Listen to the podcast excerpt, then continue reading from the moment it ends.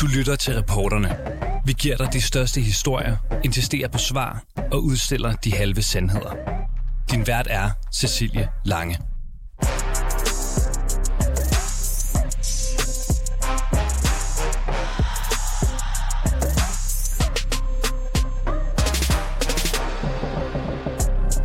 Skal du høre historien om Anne, og historien om det forhold til hendes mand og faren til hendes børn, som hun et eller andet sted godt vidste var usundt. I lange perioder føltes øh, hverdagen mere eller mindre som en gang på æggeskaller, og på et tidspunkt så fik hun nok.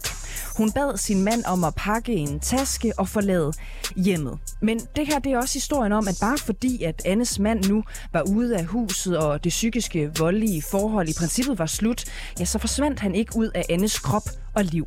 Fordi i tiden efter brudet, der kæmpede hun med voldsom angstanfald, og en simpel sms fra eksmanden var nok til at udløse voldsomme reaktioner. Det kunne jo være alt fra angst til øh, hjertebanken, og, og i de øh, grælde situationer, altså der, der har det været så voldsomt, at, at jeg eksempelvis har kastet op også. Anne, hun er en af 82.000 kvinder, der hvert år udsættes for partnervold i Danmark.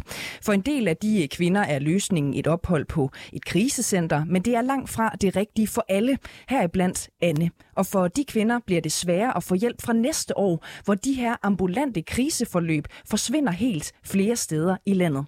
Velkommen indenfor hos reporterne. Og vi begynder hos Anne, fordi hun brød for halvandet år siden med sin, vand, øh, sin mand undskyld gennem mere end øh, 20 år. Altså et ægteskab, som var præget af psykisk vold. Men skilsmissen den blev altså ikke det pusterum, som hun havde håbet på. Og selvom det ikke på øh, det tidspunkt var tydeligt for Anne selv, så kunne både hendes veninder og familie se, hvor meget Anne havde brug for hjælp. En tilfældig aften, der sidder Anne og søger på nettet, og her falder hun så over muligheden for det, der hedder et ambulant krisehjælp. Og det blev helt afgørende for hende det, det lyder voldsomt at sige, men på et eller andet plan, så har det, så har det reddet mit liv, øh, min situation. Øh, at jeg har haft det tilbud og haft den opbakning, øh, dels fra personalet, men også fra de andre kvinder, som jeg mødte. Mm. Og øh, hvis du lige kan, kan sætte et par ord på, hvad, hvad var det for en situation, du stod i, øh, inden du, du startede i forløbet her? Altså, hvordan, øh, hvordan havde du det? Øh, jeg havde det rigtig skidt. Øh, jeg var kommet ud af et, øh, et forhold, der havde varet øh, næsten 25 år. Sammen havde vi, eller sammen har vi tre børn. Og der har været øh, en masse svære ting forbundet, både med vores samliv, men, men specielt også øh, i skilsmissen. Vores forhold blev sådan set ikke anderledes af, at vi blev skilt, udover at vi jo ikke boede sammen og delte adresse mere. Min eksmands adfærd øh, var den samme over for mig, som, som inden vi blev skilt. Og derfor var det bare en rigtig svær situation at stå i. Og hvordan gav det sig, øh, sig udslag for, for dig sådan i, i hverdagen? Jeg tænker, der har været, øh, altså, været nogle, nogle voldsomme reaktioner fra, fra din side på, på det, du stod i. Ja, altså en af de ting, der jo var i vores forhold, er jo, at jeg har været rigtig øh, god til at aflæse og, og tage mange øh, små konflikter i, oplev, altså i opløbet, og har ligesom forstået, øh, hvordan jeg har skulle gebært mig i dem, og få børnene til at gebære sig i dem, øh, for at undgå for store konflikter. Men når man bliver skilt, og vi jo ikke var, var fysisk sammen, så havde jeg svært ved at navigere i, hvor jeg havde ham henne, og hvornår konflikterne opstod. Der var stadig rigtig, rigtig meget øh, korrespondence, øh, dels på sms og på mail, vi holdt forholdsvis hurtigt op med at mødes fysisk eller snakke telefon sammen, for det var simpelthen øh, for hårdt for mig at, at, at være i det spil med ham. Men hvis vi kalder det for spillet, alle de her følelser, der er på, på situationerne, så, så fortsatte det jo stadigvæk bare over skriftlig øh, korrespondence. Og det var rigtig svært at være i, og, og man frygtede øh, lidt uvenskabet og diskussionerne og forsøgte at være på forgrund. Så det betød, at, at min krop og var rigtig meget på overarbejde. Og faktisk så pres, presset og så stresset, at, at jeg begyndte at få fysiske reaktioner, altså bare, at, at der kom en besked, eller at der kom en mail fra ham, som jeg vidste, jeg skulle forholde mig til. Det kunne jo være alt fra angst til altså decideret øh, stress, altså øh, hjertebanken, og i de øh, grælde situationer, altså der, der har det været så voldsomt, at, at jeg eksempelvis har kastet op også. Og hvordan har, øh, altså, hvordan har det så spillet ind, at du har fået, øh, fået det her krisehjælp på, på de reaktioner? Altså er du ude over dem i dag? Øh, de er blevet bedre, øh, men jeg har jo også fået øh, hjælp til at, at arbejde med det. Og i, i øh, krisetilbuddet har der jo også været øh, sådan lidt undervisning eller forklaring på, jamen, hvad, hvad er det egentlig, der er med de her øh, mange beskeder eller mails, der eventuelt kan komme, eller i konflikterne i det hele taget. Øh, og det er jo ligesom at kunne se mønstret i beskederne eller mailsene, gør det jo også lidt mere ufarligt. Altså, så undervisningen i, ja, hvorfor det er så svært, og hvorfor det er, at kroppen reagerer så voldsomt på det, det har været en af de helt store forskelle for, for mig til at kunne, kunne arbejde med det. Jeg har aldrig nogensinde blevet hverken slået eller sparket. Det, jeg har været udsat for, har jo været meget mere øh, subtilt, altså øh, gå rundt på æggeskaller og aflæse stemninger og sørge for, at, at tingene er glædet, for at, at der ikke skulle opstå problemer og konflikter, og har forsøgt at glatte ud. Så derfor så, så tænker jeg, så, så tror jeg ikke, jeg har set mig selv som værende kvinde, der havde behov for et krisecenter. Og det var faktisk først efter min skilsmisse, at det gik op for mig, hvad det var, jeg har været udsat for og måske af den grund øh, sagtens kunne have taget på et krisecenter. Men, men det er først efter skilsmissen, at, at, den, at den erkendelse er kommet. Og hvis nu, altså hvis nu du så havde fået at vide, øh, for jeg hørte dig jo lidt sige her, at, at du tænkte ikke, at din, din situation var slem nok til, til et krisecenter, men hvis nu nogen havde sagt til dig, at det er den faktisk, og du kan godt øh, komme ind her, var der så stadigvæk noget, der, der ville have holdt dig tilbage, tror du? Ja, det tror jeg. Jeg har svært ved at sætte ord på, øh, hvorfor at jeg ikke skulle det, men jeg tror igen det der med, at, at det vil føles som en, en voldsom øh, beslutning at tage, øh, og eventuelt tage børnene og tage på krisecenter. Øh, jeg vil ikke have haft lyst til at, at gøre det øh, uden mine børn, og forklare mine børn, hvorfor det var, at vi tog på krisecenter. Det tror jeg, jeg ville have haft svært ved at kunne gøre redde for. Altså, det er noget, der er kommet langt hen og hen. Altså, i, i min erkendelse og min forståelse af, af min situation og det, jeg har levet i. Altså, den er jo først kommet langt senere. Selv da jeg kørte til forsamtale til krisetilbuddet, havde jeg jo faktisk indstillet mig på, at det, jeg har levet i, det er slet, slet ikke grænt nok til at få hjælp. Og da vi var færdige med samtalen, og hun spørger mig, om om jeg har lyst til at starte øh, om torsdagen. Der sidder jeg bare med åben mund og spørger, om, om jeg virkelig passer ind i deres tilbud. Så, så med andre ord, Anne, så, øh, så har det været helt afgørende for dig at kunne få det her øh, krisehjælpstilbud, mens du samtidig kunne, kunne opretholde din base og noget, der, der mindede om en mere normal hverdag for både, for både dig og børnene? Ja, det er jeg slet ikke i tvivl om. Altså, jeg, jeg har kunne passe mit arbejde, og børnene har kunne passe deres skole, og vi har været i vores nærmiljø og jeg har kunne bebrejde øh, tingene i, i mit eget tempo. Så det tænker jeg absolut har været, har været afgørende også for, at jeg har fået så meget ud af det, som, som jeg har. Altså jeg er slet ikke i tvivl om, at, at jeg var ikke nået, hvor jeg er til i dag, øh, uden krisetilbuddet. Da, da jeg bliver henvist til tilbuddet, har jeg det øh, rigtig, rigtig skidt.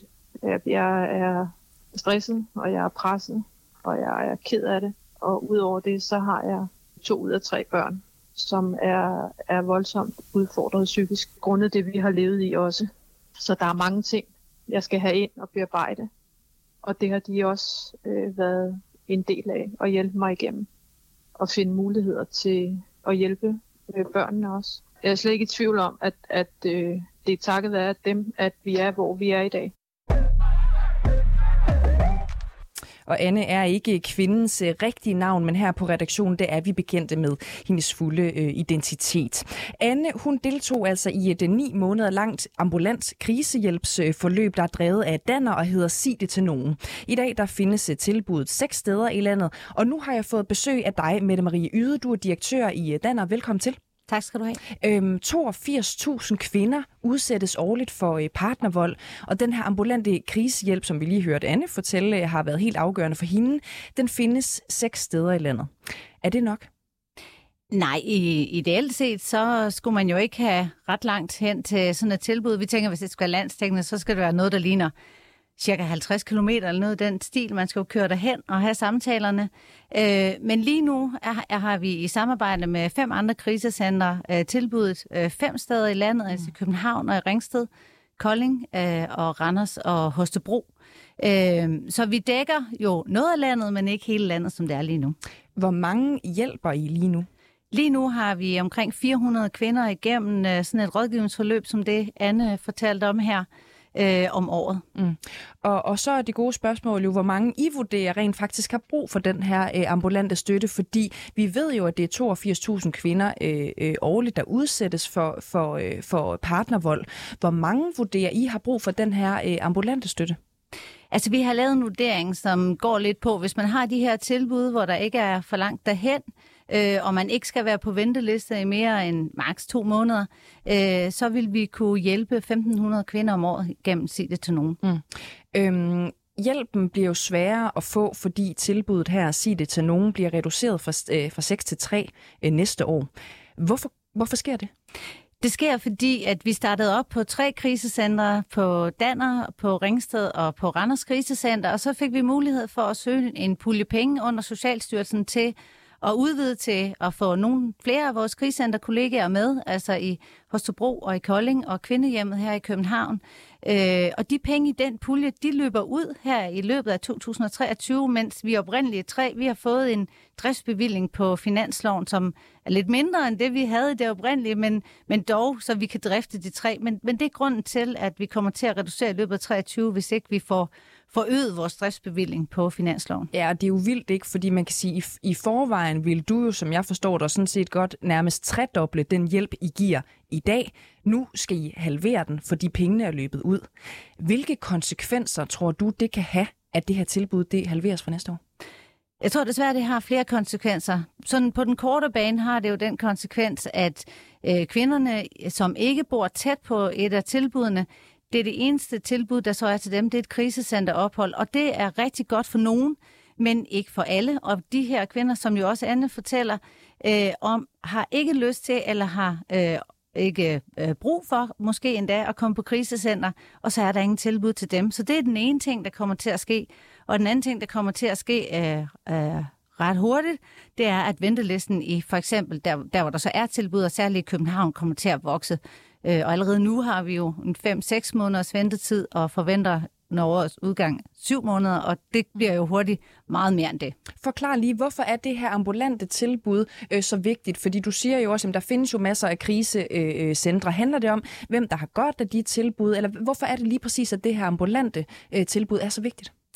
Det er en, en kæmpe stor omvæltning i ens liv at flytte på krisecenter, og øh, det der krisecenteret jo også gør, det leverer jo en og enormt stor grad af sikkerhed omkring kvinden og hendes eventuelle børn. Mm. Altså, der er låste døre, nogle er endda på lidt hemmelige adresser, øh, og det er nogen, der har brug for det, fordi at øh, det er rigtig farligt at bryde med volden. Vi ved, når kvinder bliver dræbt, så er det ofte, fordi de har været øh, brudt med en voldelig øh, partner forud for det.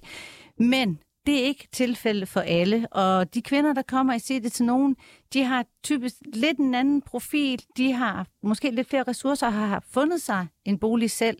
Det kan også være, at de er i proces med at finde ud af, hvordan skal de forlade den her voldsøver, og der bliver det rigtig vigtigt at have et tilbud, som jo er øh, udviklet på krisecenterne, som siger det til nogen er, som er vant til at håndtere deres sikkerhed, fordi det er i brud, det bliver rigtig farligt. Og når det tilbud øhm, så bliver halveret, kan det så også i sidste ende betyde, at den her gruppe kvinder i ringere grad kommer til at forlade deres voldelige mænd? Det vil det helt sikkert. Der vil være nogen, som så ikke har nogen, der kan, eller der kan hjælpe dem i den proces. Øhm, så der vil være nogen, der, der venter og tøver øh, og, og venter på, der måske bliver nogle andre muligheder på et andet tidspunkt, eller som ender med at, at leve de næste 10 år også sammen med den her voldelige partner. Inden sommerferien, der fremlagde ligestillingsminister Trine Bramsen jo en, øh, en handlingsplan mod partnervold og, og partnerdrab, og du også lige inde på nu her. Ikke? En, en plan, som jeg jo ved, at du på mange parametre er ret tilfreds med. Men øh, ud af den her plans 22 initiativer, der er ambulant hjælp til voldsoffer øh, ikke øh, en af dem. Er det et svigt? Jeg vil sige sådan, det er en rigtig god plan, fordi det planen gør, den gør op med det, vi tidligere har gjort tidligere. Så har vi lavet noget forebyggelse, måske med noget kampagnearbejde, og så har vi haft nogle tilbud, krisecenter eller vi har haft nogle puljer til at udvikle, for eksempel sige det til nogen, øh, og så nogle øh, ikke landsdækkende tilbud til voldsøverne. Det, den her plan plejer at øh, prøve at gøre, det er, at den siger, at vi skal ind noget før. Vi kan ikke bare lave forebyggelse, vi er også nødt til at lave opspring. Vi er nødt til at begynde at hjælpe de her familier noget før, eller de her par noget før. Og når kommunen eller politiet eller nogle andre myndigheder eller privatpersoner, noget øh, familie, øh, finder ud af, så skal de vide, hvordan de kan række ud, men så skal de også have et nogle tilbud og henvise dem videre til, og det er jo derfor, det er et kæmpestort hul i planen, at der ikke også er landstækkende ambulant rådgivning til mm. de voldsudsatte, fordi vi kommer faktisk til at øh, opspore mange flere tidligere. Det er rigtig godt, men desværre så følger de tilbud i den anden ende ikke med. Altså for rigtig mange kvinder bliver det eneste tilbud jo at tage på et krisecenter, og som Anne fortalte, så var det i hvert fald ikke et tilbud, hun ville have taget imod. Nej, og du siger her, at det er et kæmpe øh, hul i den her plan, altså at den her mulighed ikke findes, og det der er halveres.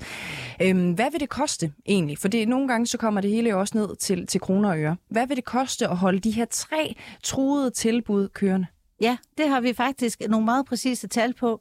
Og øh, hvis vi skal der er jo det, at, at de er finansieret noget af 2023. Mm-hmm. Så det, det vil koste i 2023, det er 2,4 millioner kroner mere på den driftsbevilling, vi allerede har. Vi har 3,4 millioner til de oprindelige tre. Hvis vi får 2,4 millioner mere, så kan vi holde alle øh, kørende. Og det vil sige, fra 24 år frem, så skal driftsbevillingen så ligge på det, der hedder 8,2 millioner. Så fastholder vi at hjælpe de 400 kvinder, og det betyder, det koster faktisk kun 20.000 kroner per forløb at hjælpe en kvinde videre ud af volden. Og hvis man kigger på, hvad et krisecenterophold koster, det koster måske gennemsnitligt 2500 kroner i døgnet. Mm. Så i virkeligheden kunne man stille spørgsmålet videre til en øh, socialdemokrat eller Socialdemokratiet støtter, er I villige til at give 20.000 kroner for, at en øh, kvinde kommer i fred for sin voldelige mand? Præcis, det er, det er det tal, vi taler om, og, og som jeg sagde helt konkret, så, så det vi beder om lige nu, det er, når man begynder at forhandle reserven på finansloven. Ikke SSA-puljen, det der er meget handplanlægt, men selve finansloven, så beder vi bare om, at man lige finder de der 2,4 millioner, så vi kan holde de seks tilbud kørende 23 med, og man også fremadrettet tænker at fastholde i hvert fald det beløb. Og hvis man er ambitiøs, selvfølgelig øge det, til vi kan nå de 1.500. Det vil koste omkring 23 millioner om året. Så hjælper vi 1.500 kvinder øh, hvert år ud af vold. Mette Marie Yde, direktør i Danner. Tusind tak, fordi du var med i dagens udgave af Reporterne. Og vi ville jo rigtig gerne have spurgt øh, ligestillingsminister Trine Bramsen, hvorfor ambulant øh, krisehjælp til voldsoffer ikke er en del af regeringens handlingsplan. Hun har desværre ikke haft mulighed for at medvirke. Vi har også spurgt Socialdemokratiets ligestillingsordfører Lars Aslan, som ikke er vendt tilbage på vores øh, henvendelser. Det gjorde du. Til gengæld, Karina Lorentzen, velkommen til programmet. Tak skal du have. Du er ligestillingsordfører for SF. Karina Lorentzen, regeringen har ikke prioriteret midler til at opretholde det her ambulante øh, krisehjælp til voldsoffre. Øh, Mener du, at det er et svigt fra regeringens side? Ja, jeg synes, det er en kæmpe fejl, at man ikke prioriterer det her, fordi der er nogen, som ikke kan se sig selv flytte ind på et krisecenter. Øh, og jeg tror, vi mister en mulighed for øh, at komme i kontakt med nogle kvinder, hvor vi i virkeligheden kan forebygge, at det udvikler sig til noget meget slemt øh, ved at have det her ambulante tilbud. Det er simpelthen nogle andre målgrupper, vi kommer i kontakt med. Mm. Og, øh, vi... og derfor er det vigtigt at bevare. Mm. Ja, og vi hører jo øh, direktøren for, for Danner her sige, at, at vi risikerer simpelthen, at der er den her gruppe øh, kvinde, som øh, måske i 10 år vil blive ved deres øh, voldelige mænd, simpelthen fordi de mister den her mulighed for ambulans behandling. Hvad vil, hvad vil I gøre ved det i, i SF, Karina Lorentzen? Jamen, jeg har jo i virkeligheden sagt, at øh, når vi skal forhandle om den her øh, handlingsplan, og det har ministeren jo lovet, øh, så skal vi have det her tilbud sikret. Og i virkeligheden vil jeg gerne gå længere end det, for jeg vil gerne have, at vi får et landsdækkende og permanent øh, tilbud om ambulant behandling. Øh, fordi øh, det er bare så vigtigt, at, øh, at der er en god tilgængelighed, øh, og der er også brug for mere af det. Øh, jeg har været lidt i dialog med krisecentret i Kolding, som øh, øh, siger, at interessen for det her er sådan set stigende, øh, og det betyder jo, at der er mange, øh, som har brug for det her mm. tilbud, øh, og de har sådan set en venteliste på tre måneder, så der er jo folk, som står og venter på det her tilbud. Ja, så du siger faktisk ikke nok med, at du vil sikre de her tre lukningstruede ambulante behandlingstilbud, så vil du gøre, gå øh, endnu længere og sikre, at det rent faktisk bliver øh, landsdækkende. Vi står jo over for et valg lige om lidt, øh, Karina Lorentzen, øh, og så kan det jo være, at det her forhandlingstilbud, øh, øh, det skal lægges øh, over for øh, øh en minister. Øh, hvad nu, hvis det først kommer på den anden side øh, af valget? Er det her et afgørende emne for jer i en eventuel regeringsdannelse? Jamen, det har jeg ikke taget stilling til. Altså, jeg kommer til at arbejde for, at det her det bliver til gode set. Øh, jeg synes, det er vigtigt, øh, og ministeren har lovet en forhandling om, øh, om selve partnervoldshandlingsplanen, og det håber jeg da, at ministeren eller en anden ny minister står ved, øh, og så skal vi have fundet penge til det her. Ja, det er mere for at finde ud af, om det betyder så meget for dig og for SF, øh, at den her øh, ambulante form for krisehjælp skal sikres, hvis FF, øh, SF for eksempel skal indgå som øh, parlamentarisk grundlag. Jamen, jeg har ikke taget stilling til, øh, hvad det er, der skal indgå, når, øh, når vi skal forhandle om et parlamentarisk grundlag, men jeg har taget stilling til, at det her det er noget, som vi vil kæmpe for at sikre. Mm. Øh, og det har jeg sagt, det vil jeg tage med ind i forhandlingerne. Vi hører jo, at i virkeligheden så kan en kvindes liv, kunne man fristes til at sige, koste 20.000 kroner. Så spørgsmålet er, om det er vigtigt nok for jer til, at I trods alt vil lægge hovedet på blokken og sige, det skal vi simpelthen øh, øh, have igennem, hvis vi skal øh, lægge stemmer til et parlamentarisk grundlag. Jamen, jeg synes i hvert fald, det er vigtigt, og man kan jo sige, at, øh, at tre måneder på syge dagpenge, øh, det koster lige så meget som det her tilbud. Øh, og det er jo en stor risiko for, at mange af de her kvinder, de risikerer at falde ud af arbejdsmarkedet, hvis ikke de får den rette støtte og hjælp i tide. Så derfor er det min holdning, at det her det er noget, vi skal sikre. Om det så bliver i en regeringsdannelse, i en forhandling om partnervoldshandlingsplan eller en finanslovsforhandling, det er jeg sådan set meget åben over for. Mm. Øh, jeg synes i hvert fald, det er vigtigt, at vi gør det. Mm, og det lyder som om, du synes, det er ret uh, vigtigt. Du vil endda tage, tage uh, tilbuddet uh, endnu videre. Så hvorfor vil du egentlig ikke sige, at uh, jamen, det er så vigtigt for os, at vi kan ikke lægge mandater til, uh, til, uh, til en regering, som ikke giver os ret i det her? Jamen, jeg synes jo ikke, at det er afgørende, hvor øh, vi får det her igennem henne. Jeg synes, det afgørende er... Det er en mulighed ikke for, for at få noget igennem, jo, jo. ikke? Men jeg har jo sådan set allerede sagt, at jeg kommer til at tage det med ind i en forhandling, og det synes jeg jo er, er det vigtige, at vi går skridtet videre og får det her øh, sikret. Øhm, og det har jeg sådan set sagt for et stykke tid siden, fordi det har været kendt et stykke tid, siden finanslovsforslaget blev fremlagt, at det her det simpelthen mangler. Mm. Og vi har jo hele tiden sagt, at vi står klar til at sikre, at det bliver et landstækkende og permanent tilbud, vi har også sat penge af til det, øh, og det kommer vi da til at presse regeringen på. Om det så bliver det ene eller det andet sted, det synes jeg egentlig ikke er så vigtigt. Hvorfor har du egentlig ikke øh, bragt det her til bordet noget før? Altså for eksempel, da Trine Bremsen præsenterede den her øh, handlingsplan om partnervold og partnerdrab, og du kunne konstatere, hov, der, var, der manglede altså et, øh, et punkt lige præcis om, om det her ambulante tilbud. Det har vi da sørme også gjort. Øh, jeg tror, at vi kunne finde forskellige Øh, avisartikler, hvor jeg siger, at det her det er vigtigt, øh, og vi har sådan set også sagt det til ministeren. Ja, men, og en så... ting er jo det der med at sige, at det er vigtigt, ikke? Men, men mens vi sidder her og taler, jamen, så er der jo kvinder derude, som er i, i voldelige forhold, og som jo virkelig ønsker, at det her øh, ambulante tilbud, det galt allerede øh, fra i morgen på en, på en landsdækkende funktion. Jo, men vi har jo sådan set gået og afventet den forhandling, ministeren har lovet os, og det er jo sådan set der, hvor vi kan øh, endeligt afsætte pengene. Øh, og derfor var min overraskelse simpelthen også meget stor, da jeg så åbner finanslovsforslaget, som jo ikke er så gammelt øh, og er kommet efter, at ministeren lancerede sin, øh, sin plan, at man så simpelthen øh, har med, at øh, det her det skal der skæres i. Øh, det stiller jeg mig meget uforstående over for. Jeg synes, det er nogle ret skæve signaler fra regeringen i forhold til... Ja, det synes jeg faktisk, det er. Øh, og jeg er svært ved at forstå, at når man fremlægger en, øh, et bud på en handlingsplan, øh, hvor, hvor det for det første ikke er med, men øh, det næste, man så gør, det er, at i det finanslovsforslag, der følger efter, så vælger man sådan set at skære det væk. Øh, og jeg tror godt, at ministeren ved, at vi vil have et ambulant og landsdækkende tilbud. Øh, så lurer mig, øh, om det her måske ikke er lagt ind på en måde, øh, så, så vi gerne skulle forhandle det tilbage igen og mere til. Øh, det håber jeg da.